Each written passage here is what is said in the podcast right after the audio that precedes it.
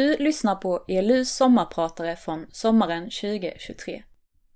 Det du ska få lyssna till är personens egna erfarenheter och tankar. Och vi hoppas det ska bli till uppbyggelse för dig som lyssnar.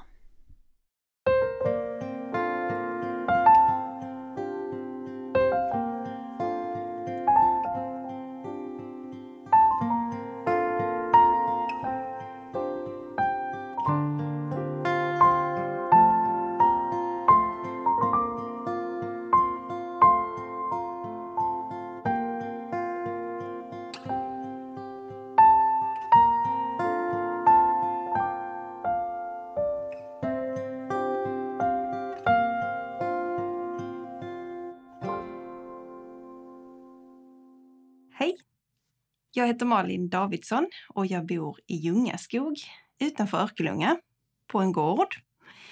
På landet med skog och natur in på knuten. Jag bor där med min man och våra barn och ett gäng hästar. Jag är uppvuxen i Tockarp utanför Örkelljunga, på en gård på landet med skog in på knuten och med hästar och lite andra djur och en stor och brokig familj. Jag flyttade från Örkelljungatrakten som 18-åring och kom tillbaka som 36-åring. I mycket känns det som att jag har kommit hem. Och det ska jag få berätta lite om nu. Lite om hur det kom sig att jag fick komma hem. Alltså att jag fick lära känna Gud. Jag vet att många kristna pratar om att få komma hem när man får komma hem till himlen. Men för mig är det som att jag har kommit hem här och nu. Det är nog för mig. Att få leva nära Gud, här och nu, det har gjort hela skillnaden för mig. Det är som dag och natt, som ljus och mörker. Det är varmt och vilsamt och kärleksfullt och tryggt och jag är tacksam. Det är inte alltid enkelt, men det är rikt och fantastiskt roligt. Det finns en plats där vi hör hemma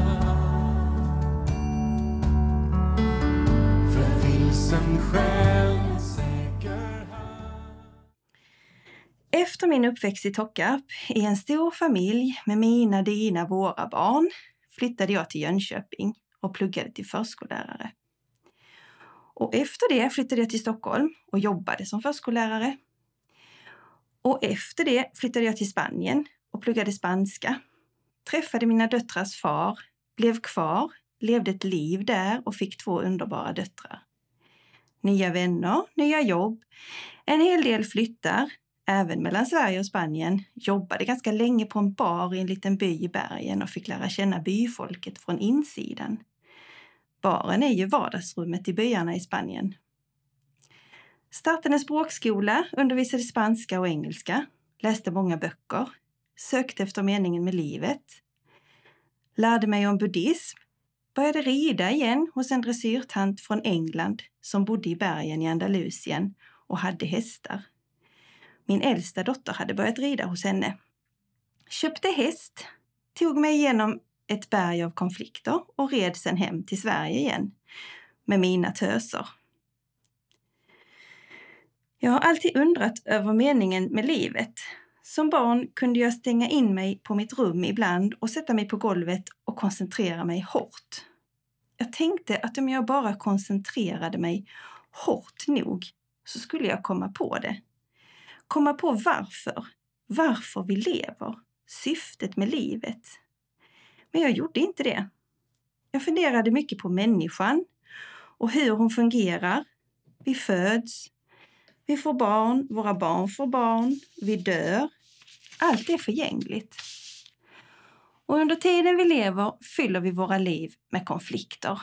Folk bråkar, kämpar för att vara och bli bäst. Synas mest. En del vill så mycket och andra vill inget. Vem är människan egentligen? Och varför finns jag? När jag blev mamma vid 26 års ålder fick livet en ny mening. Jag är tacksam att jag fick bli mamma. Nu har jag varit mamma i 20 år och jag finner det fortfarande otroligt meningsfullt att vara mamma. Att få fylla ett annat liv med kärlek och glädje, att få peppa och rusta, att få finnas för någon annan. Det är meningsfullt. Nu vet jag att det är det Gud vill att vi gör med varandra. Alla, inte bara till våra barn, vi som är föräldrar, utan alla till och för alla. Och det är meningsfullt. Under mina år i Spanien kom jag i närkontakt med buddhism. Jag lärde känna tibetanska buddister och fick lära mig om deras sätt att se på livet. Och det var mycket där som jag kunde ta till mig och som kunde bli till gott för mig. Jag förstod deras längtan ur samsara, ur det förgängliga, ur livskretsloppet. Jag förstod tanken med att vår längtan eller våra begär efter förgängliga ting får oss ännu mer fast i det förgängliga i livet. Jag förstod tanken att acceptera saker, även det som är svårt. Och att vila i någon slags tillförsikt om att även det svåra är förgängligt och kommer att gå över. Det var många pusselbitar som föll på plats och där fanns mening och frid. Men vissa saker saknades. Var och en fast i sin egen acceptans av saker och tings tillstånd. Var och en med sin karma. Mitt liv, min karma, är upp till mig. Står och faller med min förmåga. Och så är det det där också att jag behöver dra mig undan, frikoppla mig från det som är svårt, inklusive andra människor, för att finna den inre tomheten och därmed friden. För mig tycks det se ensamt på något vis. I Spanien flyttade vi ganska mycket, men vi bodde mestadels på landet utanför en liten by i Laxarquia i Andalusien. Uppe i bergen med getter och getaherdar och mulåsnor som grannar. Ungefär 45 minuters bilresa från kusten med hav och städer.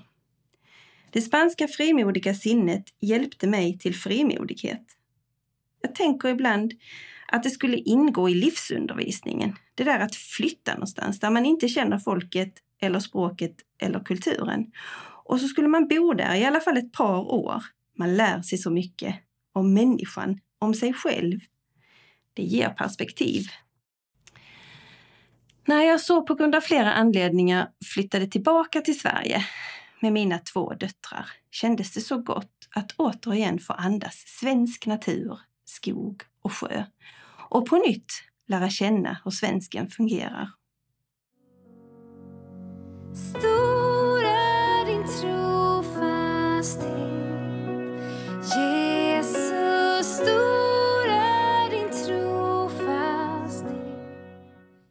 Mina döttrar började i Solängsskolan som är en kristen friskola här i Örkelljunga. Den enda svenska kompisen som min äldsta tjej hade då skulle precis byta skola till Soläng. Och därför blev det även Soläng för oss. Soläng har fått betyda så otroligt mycket för oss, för mig och mina tjejer. Via skolan har vi fått i oss så mycket gott. Min ena tjej började femman och den andra i förskolan. De fann sig snabbt hemmastadda där fick goa vänner och trivdes och jag fick också goa vänner via skolan. En mamma med döttrar i samma åldrar som mina drog ganska snabbt med mig på Alfa. Vi flyttade till Sverige sommaren 2013 och redan våren 2014 var vi på Alfa-kurs, Anna och jag. Min äldsta tös hängde med kompisarna på plus och på läger och så småningom konfirmation hon fick relation med Gud. Hennes yngre syster är i plusålder nu och har också varit på läger och har också fått med sig mycket kristen tro via Solängsskolan och har relation med Gud. Det är jag tacksam för. När allt blåser omkring en så står Gud fast och det är gott för ett mammahjärta att veta att de kan vända sig till Gud. Under den här tiden när jag gick Alfa och min äldsta dotter följde med vänner på plus och sånt så hade vi ganska många och långa samtal hemma, hon och jag. Vi kokade te och satt i soffan om kvällen och funderade tillsammans på olika saker. Tjejernas pappa var och är buddhist och ibland var det saker som krockade och ibland var det saker som var lika. Det var bra att kunna samtala om det i ödmjukhet. När Anna och jag gick vår alfakurs, eller meningen med livet-kurs som hon kallade det, så tog hennes man hand om mina barn. De fick middag där och ibland sov de över och fick skjuts till skolan morgonen därpå. Otroligt, vecka efter vecka. Vilket engagemang! Anna och hennes man visade även mig hur en familj kan fungera. De gjorde plats åt mig och mina barn. Vi var och är ju fortfarande såklart alltid välkomna dit.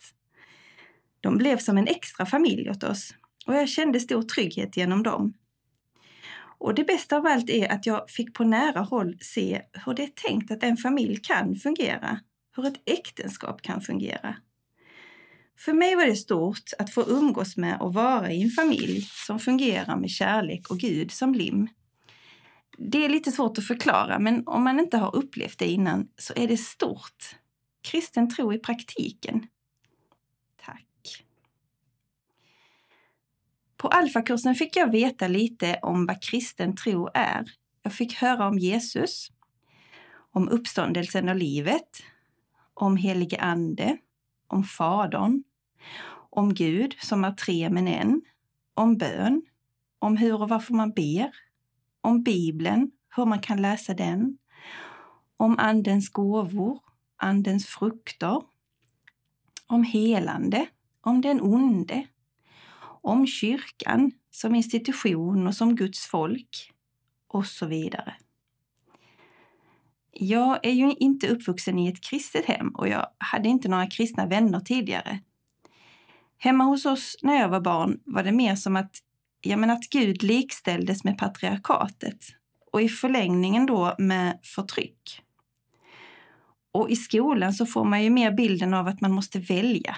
Jag måste välja mellan att tro att det finns en gud eller så måste jag välja att tro på vetenskapen.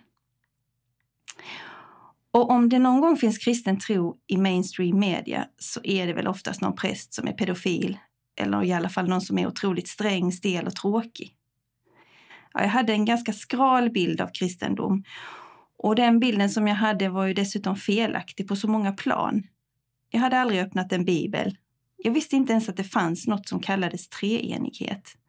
Eller att Jesus var Gud. Eller att det fanns en helig ande.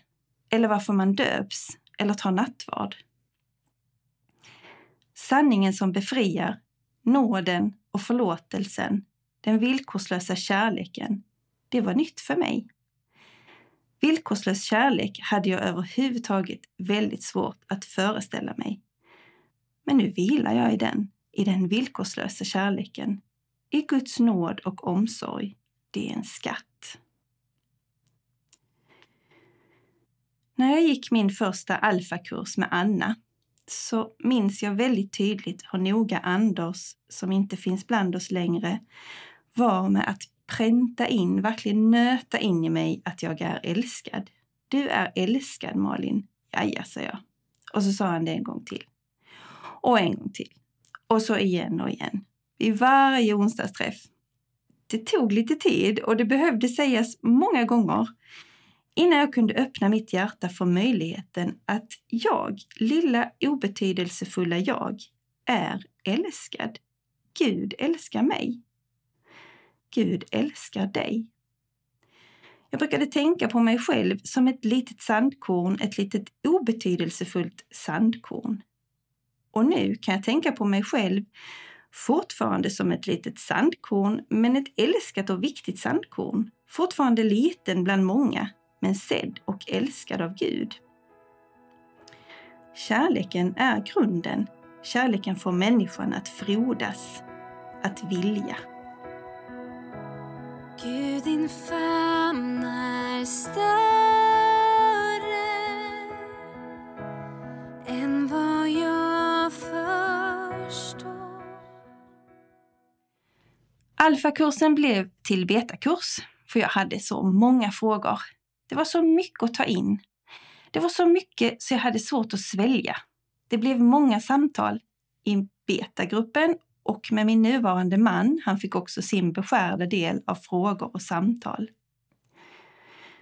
Varför kan inte de olika kyrkorna vara en, enad? Jag hade ju fått lära mig att kyrkan är vi, Guds folk. Och vi är Kristi kropp, alla.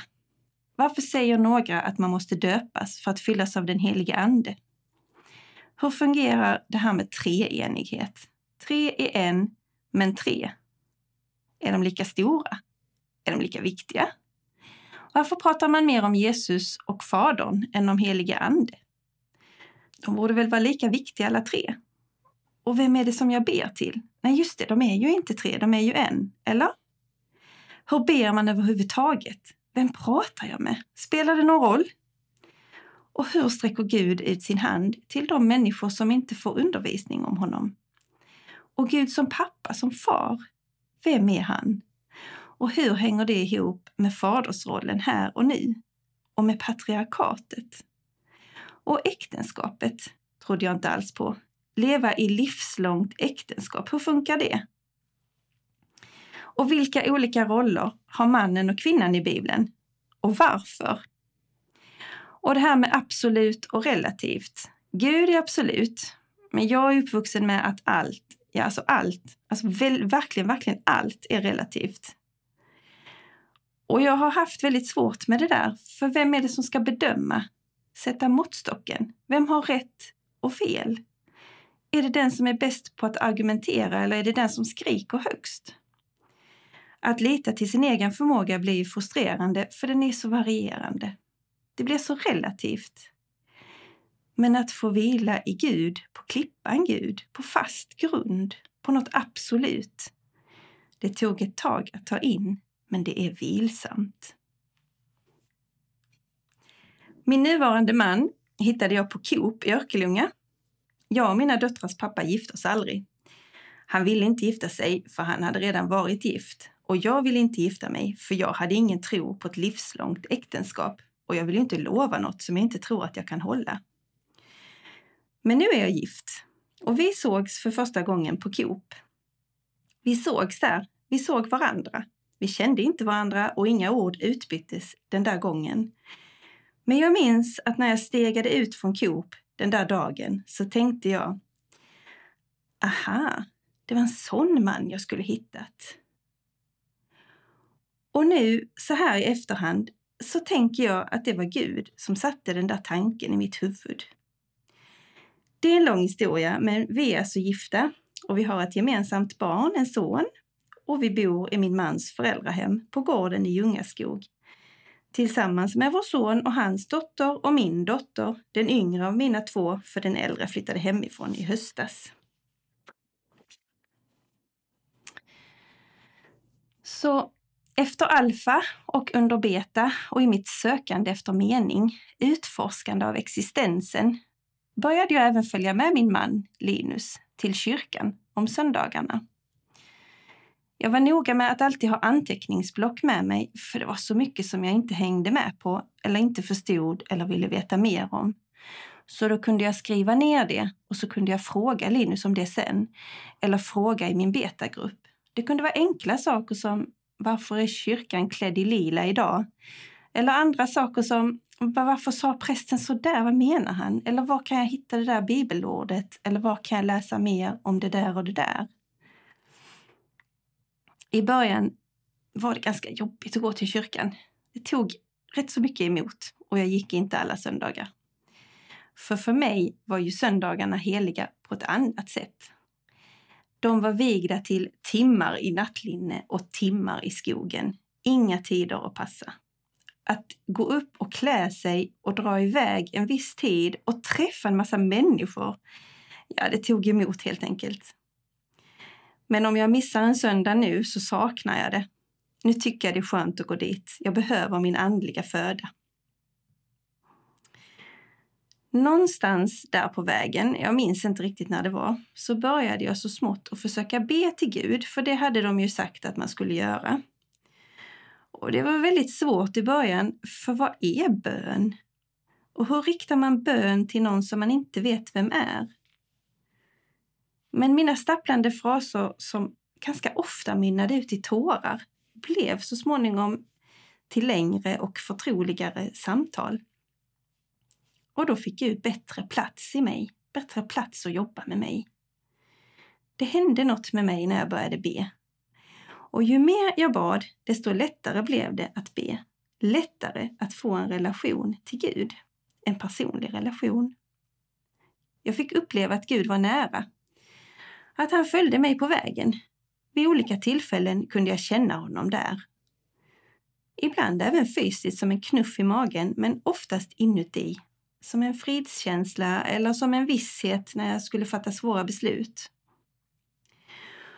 Och nu, ja nu ber jag ju hela tiden. Jag hänger med Gud och jag småpratar med honom eller så ber jag intensivt i koncentration eller så vänder jag mig till honom i lovsång. Mest är jag tacksam. Tacksam att Gud kallade på mig så att jag får leva i gemenskap med honom, i hans nåd, i hans förlåtelse, i hans sanning, i hans kärlek. Att jag får vila i vetskapen om att han har skapat mig att Gud vill mig, vill mitt liv och har en plan för mitt liv. Det är en skatt.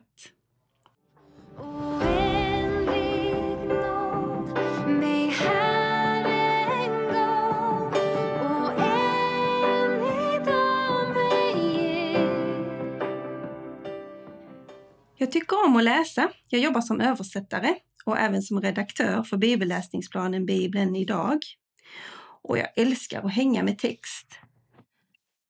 Så självklart så svalde jag en massa böcker om kristen tro under den här utforskande processen. Några av mina favoriter blev Kan man vara kristen? som C.S. Lewis har skrivit, som utforskar den kristna tron med hjärna och hjärta på ett härligt intensivt sätt. Och så Bert Löndahls Mysteriet om ett förlorat leende, livets frågor och mässan, som knyter samman livet med mässan så otroligt värdefullt att få i sig hur de olika delarna i mässan i gudstjänsten hör ihop med livet självt. På tal om meningsfullhet. Jag läste en andaktsbok med texter av Bönhoffer som jag tyckte mycket om. Med dig vill jag leva alla mina dagar hette den. Men favoritandagsboken är nog snarare nu en som heter Bröd för dagen eller kanske Jesus kallar. Det finns ju så många. Det finns en skatt i böckernas värld och det har jag alltid tyckt. Jag har alltid tyckt om att läsa och nu får jag upptäcka den kristna tron via böckernas värld. Jag tror att jag tror att jag har nog typ åtta böcker på mitt nattduksbord nu. Det är ju Bibeln såklart och Bibeln på spanska, men de räknas som en. Och sen bland de andra så finns det en som heter Finns Gud av Mats Elander och André Jute och en av Thomas Sjödin som heter Jag har slagit upp mitt tält i hoppets land. Och Larry Crabbs Understanding People. Och Francine Rivers Prästen. Det anstötliga evangeliet av Mats Elander. Syndens dagliga plåga av Rosenius. Varför ska jag tro på Gud? Timothy Keller. Den första rättigheten, Jakob Rudenstrand. Jag vet inte om det blir fler än åtta, men i alla fall. Nu när jag pratar böcker så måste jag också passa på att göra reklam för den senaste boken som jag fått förmånen att översätta och som kom, kom ut i handeln nu i våras. Kristen tro mot väggen heter den, av Rebecca McLaughlin. Den är bra, läs den! Ja, jag fick och får i mig mycket via böckernas värld och saker som jag hört på olika gudstjänster och föredrag fick större och djupare mening genom det jag läste jag följde med på konferenser och på möten i missionshus. Anna-Sofia Bondes föredrag om kvinnan och mannen och patriarkatet hjälpte mig väldigt mycket i att förstå ja, men patriarkatet, mannen och kvinnans roller i Bibeln, hur Gud ser på oss och hur det är tänkt. Och jag minns särskilt hur en predikan i ett missionshus hjälpte mig mycket i att förstå hur Gud ser på äktenskapet och hur farligt det blir om man förväntar sig att ens partner ska göra en lycklig och baserar hela sin grund på det. Om äktenskapet så som Gud vill ha det och har tänkt att det ska vara. Om det livslånga löftet. Om att leva utan flyktväg. Jag har fått i mig så mycket genom böcker, föredrag och predikningar och det finns mer och det är så roligt för det tar ju aldrig slut. Jag har till exempel gått en själavårdskurs för inte så länge sedan för att lära mig ännu mer om människan och Guds perspektiv. Och då, när jag var nyss hemkommen till Sverige igen, då fick jag gå i själavård själv. Där fick jag redskap och praktisk hjälp som hjälpte mig supermycket med hur jag kan hantera mitt bagage och gå mot att bli en helare människa. Jag fick ofta läxa efter våra tillfällen och en gång fick jag i läxa att läsa en bok, på tal om böcker, som heter Det finns gränser, som var klockren för mig och hjälpte mig att se på vilka sätt jag hade levt utan att sätta gränser och vad det hade gjort med mig och om hur man sätter sunda gränser och varför det är livsviktigt att göra det. Jag såg en film, en kristen film, jag minns tyvärr inte vad den heter, jag fick den rekommenderad av goa kristna människor när jag hade svårt att hantera relationen mellan mina döttrar och deras pappa. Den hjälpte mig mycket att förstå vad en pappa egentligen är och vilken roll en kärleksfull far har och ska ha och hur det är tänkt egentligen och varför det ena och det andra blir så fel. Varför det blir så fel när man saknar en god fadersgestalt. Jag fick en bibel och började läsa den. Vilken skatt! Hur kunde det komma sig att jag hade levt så länge utan att öppna denna fantastiska bok? Den mest spridda boken över hela världen, bästsäljaren över alla böcker. Nu läser jag i den ofta och mycket. Ta mig till den platsen där jag bara ser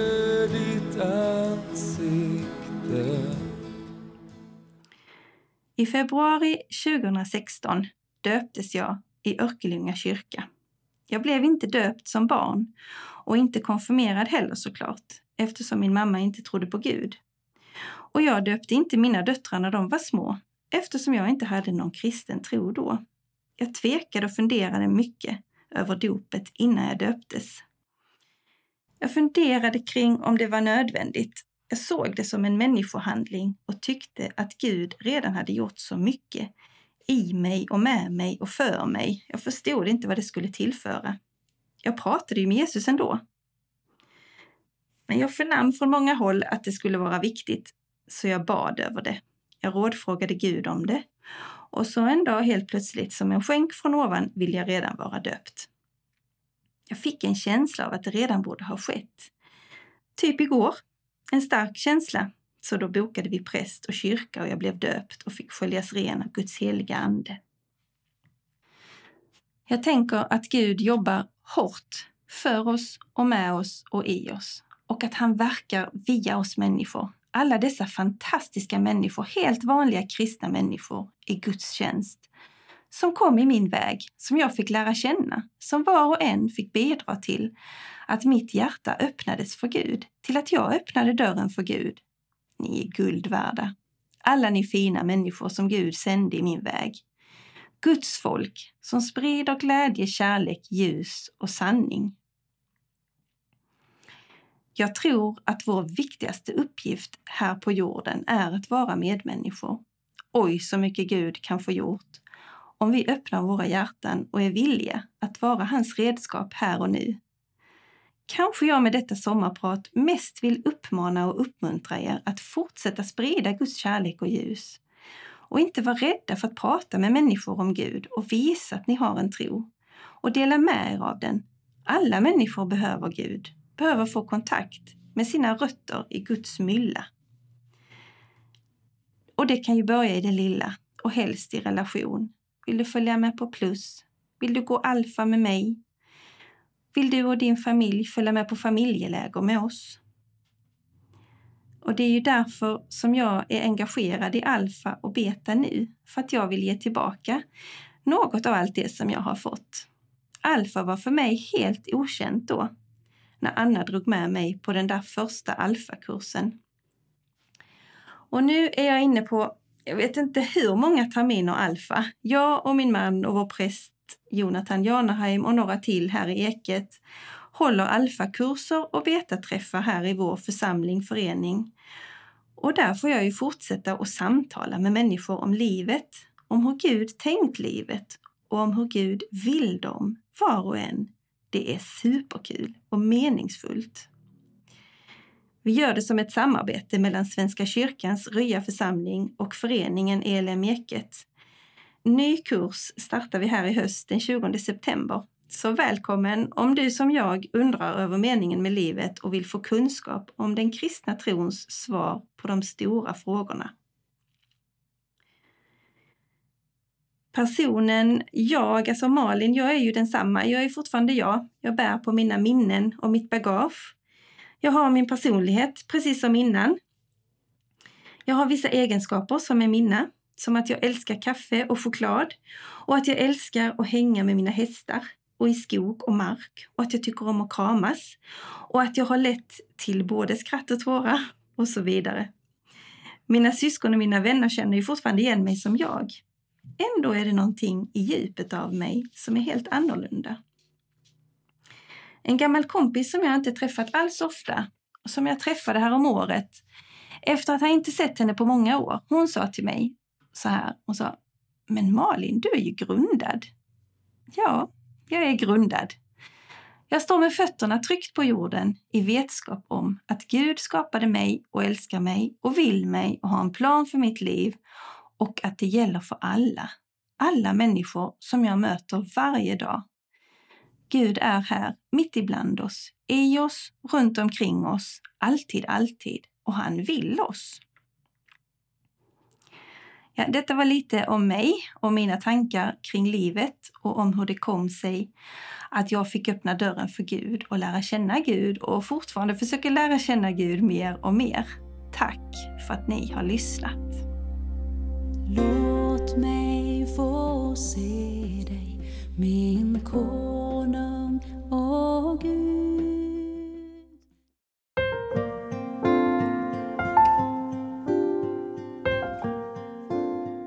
Du har lyssnat på ELUs sommarprat.